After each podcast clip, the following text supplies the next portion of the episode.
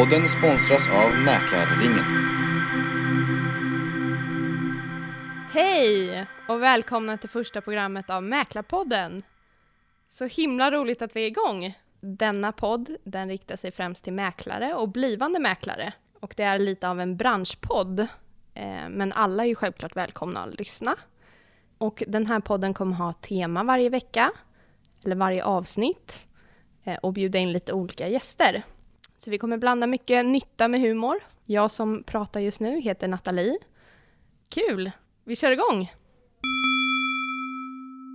Och i det här första avsnittet kommer vi diskutera om alla faktiskt kan bli fastighetsmäklare. Och då säger jag hej till Andreas och Emily som är med här idag. Och de har jobbat i några år som mäklare. Mhm. Välkomna! Tack så mycket. Tack. Trivs ni bra i yrket? Ja, jag trivs skitbra. Jag trivs också jättebra. Så ni har valt Det är rätt kan jätteroligt. man säga. Det känns det som. Ja, det känns rätt. Det känns jävligt kul. Härligt! Och vad är era spontana tankar? Kan, kan alla bli fastighetsmäklare? Utbildningsmässigt så tror jag absolut det. Eh, Det är en högskoleutbildning som krävs för att få registreringen, men och den kan nog de flesta gå igenom utan något problem. Men det är väl sen det börjar bli svårt. Vad är det svåra? Nej, men jag tror att det är en väldigt konkurrensutsatt bransch. Eh, väldigt många mäklare, det utbildas väldigt mycket mäklare. Eh, och det är en stor konkurrens om grejerna. Och, eh, så, att, så är det ju. Sen provisionsbaserade löner, ja, det kanske är svårt att få, hålla sig flytande. Så jag tror att sen, statistik säger också att många slutar efter första året. Så är det ju. Så det är ju klart att inte alla kanske kan bli det. Vad tror ni är största anledningen att, att personer slutar första året? Vad är det man inte orkar med så att säga? Jag tror ju att det är så här att eh, utbildningen idag inte ger kanske en rättvis bild av vad som händer efteråt. Eller att man får inte nog med information om det, om man ska säga. Man förstår inte innebörden i det. Jag tror det är många som eh, tänker på det här yrket som lite glitter och glamour. Jo, men det Eh, finns en sån bild av mäklare, alltså att Ja. det är liksom Så fort du är mäklare så, det börjar med att du får nycklarna till Porschen och en miljon på banken så är det bara att låtsas, låtsas leka sann liksom. Ja. Men det är inte riktigt så, det ligger sjukt mycket arbete bakom allt man gör, Mm. som inte folk ser kanske. Mm. Och då är det ju jättebra att vi har den här podden. För det är ju lite därför att vi gör det här. Att vi ska ge en mer rättvis bild om, om yrket och, och hjälpa till, Ja. helt enkelt. Det är jättebra. Superbra idé. Ja, kul. Men vilka personlighetsdrag tycker ni att man måste ha för att bli en framgångsrik mäklare? Eller behöver man några specifi- specifika drag? Ja, men det finns väldigt mycket olika typer av personer som är mäklare. Eh, det man tänker på kanske är att man måste vara social i alla fall. Man måste ha en viss social kompetens, kunna anpassa sig till olika människor. Men anpassa sig till, till olika människor, olika människotyper tror jag, tror jag är jävligt viktigt som du säger. Ja. Alltså sociala kompetensen och även kunna läsa av hur man ska bete sig mot olika människor. Liksom. Mm. Alla, alla är olika. Och så är det ju med mäklarna också. Ja, precis. Och det, ja, Det är ju så. exakt. Men jag tror absolut att en social kompetens är jävligt viktigt samtidigt som, som du behöver nog vara ganska driven och du skadar väl kanske inte att vara tävlingsinriktad heller. Nej, precis. Så social kompetens, ett driv Och lite tävling. och lite tävling. Tävlingsmomentet är roligast. Fick ni, fick ni det här i, i skolan? Nej, det tycker jag inte. Faktiskt. På vilket sätt? Eller vad hade man behövt för att Vad få... menar du om vi fick dem? De egenskaperna. De här kanske kurserna eller informationen om hur det faktiskt är på den biten, fick man stöd och coaching i, i beteendevetenskap eller? En liten, Vi hade liten väl- bit psykologi. Ja, vi hade, vi hade väl en liten säljkurs på sju och en halv poäng. Eh, Ja. Det är väl en halv... Nej, det är en fjärdedels termin. Ja, Är det väl? sälj. Eh, och eh, där man gick igenom de här fyra olika människotyperna. Eh, vad var det? Snälla Sara, analytiska Anton och... Ja, blå, röd, grön. Exakt. Ah, okej, ja. Drivande Doris. Vem är okej, den ja. sista? Jag vet inte, jag kommer inte ihåg. Vi hade inte sån utbildning. Det är väl någon gul? Jag vet inte. Är- Ah, vad sa jag? Anton, Sara, och någon gul. Antons... Eh, det är ju kluriga kurre också, eller, eller Något sånt där. Ja, de fick vi i alla fall lära oss. Och, lära oss. Vilken tur. kanske ni och det är väl inte, kanske lite det. Ja. då kanske ni inte egentligen har så mycket nytta av det idag då, om man inte kommer ihåg det. Men att, Nej, eh, ja, du kommer i alla fall ihåg dina fina namn där. ja, men det gör jag. Det, det satte sig. Vilken tur. Nej, vi hade Eh. inte så överhuvudtaget. Vi hade någon psykologikurs bara. Eh, som jag kommer ihåg. Som var jävligt bra. Men eh, Men det tror Annars jag ingenting. faktiskt är någonting som man ska försöka fokusera mer på. För att eh, det kan man nog ha väldigt stor nytta av och kunna, när man kommer på kundbesök, kunna ganska snabbt eh, lägga in den här kunden man har i ett fack. Så att man vet hur man ska liksom, bemöta den kunden. ja. Eh, det kan man nog komma väldigt långt på. Så Det att tror man jag. får en Samtidigt, Du måste vara förståelse. försiktig med och lägga in i fack och kategorisera också tror jag. Ja, absolut. Så att- Men, att, man börjar bli, att man blir säker på det. Om man blir Ja. säker på det och blir väldigt duktig på det, då är det någonting man kommer ha väldigt stor nytta av. Ja, det tror jag absolut. Och veta om man ska köra på. Vissa gånger så måste man anpassa sin, men sin personlighet eller sin stil mot har för kund. Det är inte alla som uppskattar alla typer av människor och speciellt inte olika faser i livet. Nej. Det är så man träffar så mycket olika människor i olika faser. Vissa, de, 90% av affärerna är skitroliga men sen så kommer det 10% där det är skilsmässor och dödsbon och då är det inte så, så positivt heller. Många säljer för att flytta till större eller flytta till mindre eller för att flytta ihop eller få barn eller ganska roliga liksom, skeenden i livet. Men sen så möter man ju de här som inte har så kul. Måste man vara empatisk då kanske för att, för att kunna bemöta dem på bästa sätt? Eller behöver man inte vara det? Nej, jo det måste man absolut kunna vara i vissa lägen tror jag. Eh, Ja, någon ja självklart. Det måste finnas, självklart, ja. Så Mer eller empati för- mindre. Ja, absolut. Man, det måste finnas en förståelse för kunden. Det är någonting som man eh, ja, måste kunna i det här yrket. Man kan inte bara köra sitt eget race, utan det måste finnas en förståelse för en kund. För det är ändå en kund som är vår uppdragsgivare och en kund som vi jobbar med. Och också såklart spekulanterna till eh, den kundens lägenhet som vi säljer. Mm.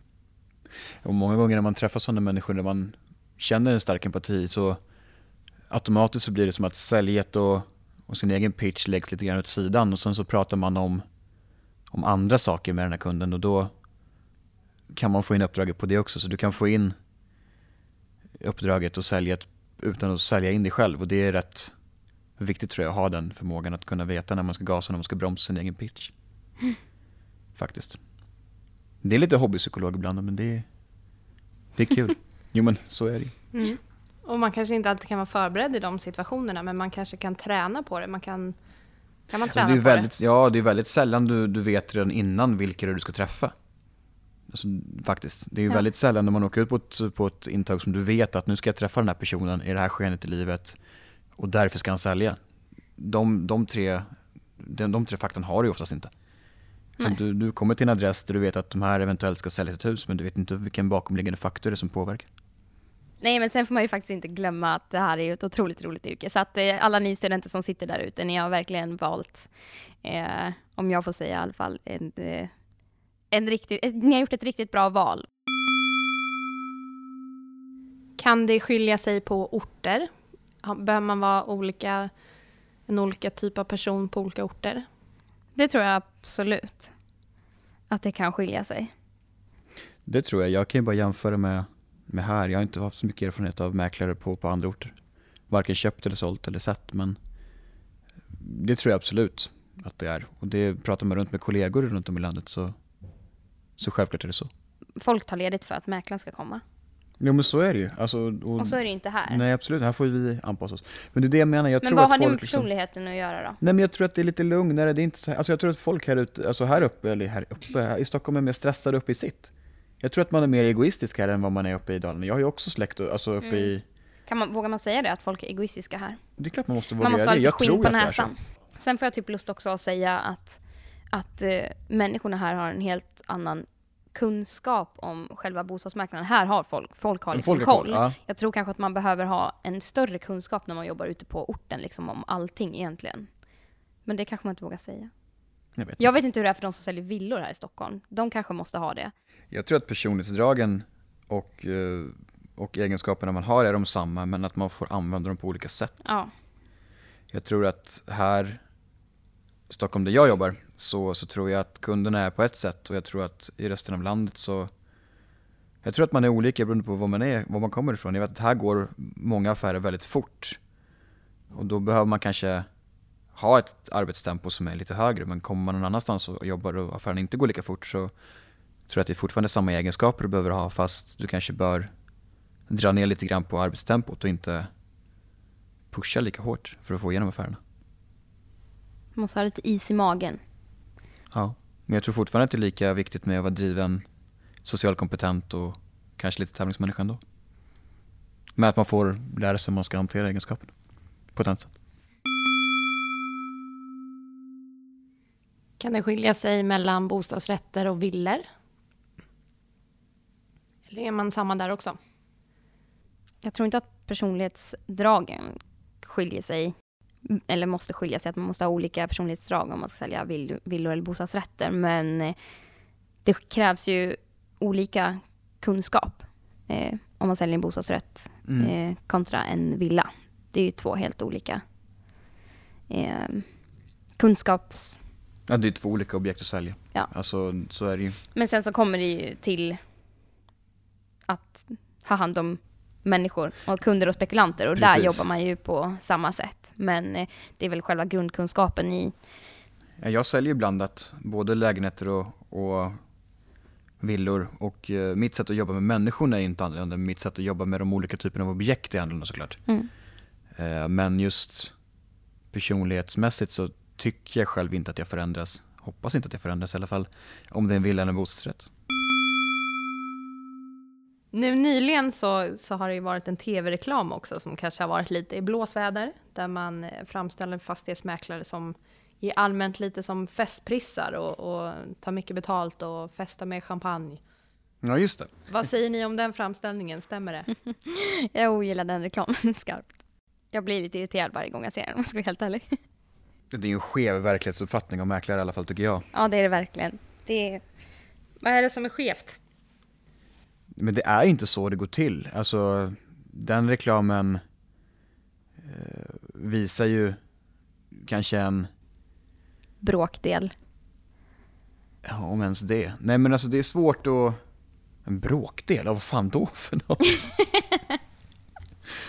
ja, en bråkdel av alla mäklare som jobbar kanske har på det där viset och lever på det där sättet. Men sen är det också lite roligt att eh, kunna diskutera också var, var den där bilden kommer ifrån egentligen. Vem är det som står till skuld för att den där bilden ändå har kommit fram?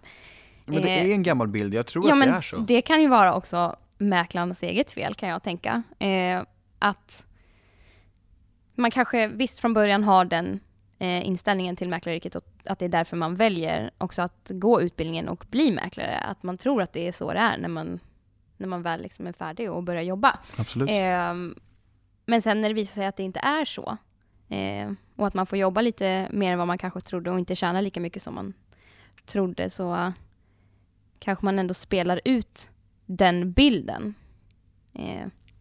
Jag tror det. Det är ett konkurrensutsatt yrke och det är ju det är provision vi lever på. Så att det är liksom, det finns nog väldigt, det finns nog absolut folk som tjänar extremt bra pengar men det finns nog ännu fler, fler som inte tjänar någonting alls faktiskt. Nej, och att de ändå vill framstå som att de gör det för att de är mäklare och de har ändå liksom det kanske ryktet på sig eller att de vill framstå som någonting som de inte är. Ja. Vissa mäklare. Eh, och att de har den pressen på sig att vara någonting och visa någonting utåt som kanske egentligen inte alltid stämmer. Och där blir det ju skevt redan där. Ja. Att det kanske många gånger är vi mäklare som faktiskt står förstör för, ja, mm. förstör alltså, och har visat den här bilden utåt också. Så vi står kanske lite till svars för det själva. Det är jättetråkigt. Det måste man kunna få bort på något vis. För så är det inte. Det är ett, jag vet inte, det är ett konkurrensutsatt yrke som alla andra. Alltså, Ja, för det är lite tvärtom ibland har man märkt i, i verkligheten att det är väldigt svårt för mäklare att i början av karriären faktiskt slå igenom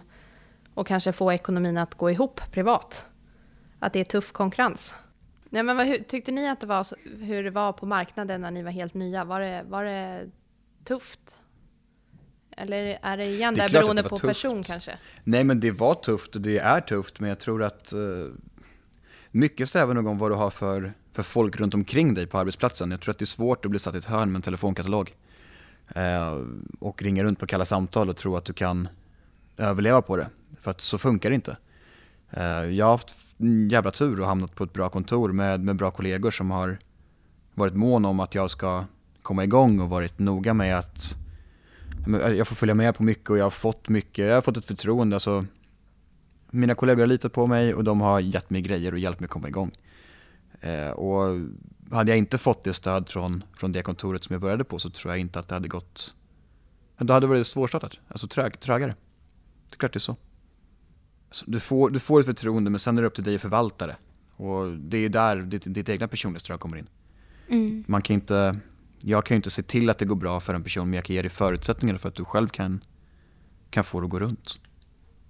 Mm. Kanske. Bra svar. Jag instämmer det var helt. Ett svar, rätt förutsättningar och sen rätt driv från, från en själv. Så. så för att sammanfatta lite i dagens avsnitt så behöver man vara driven, mm. ha social kompetens, lite tävlingsmänniska, mm.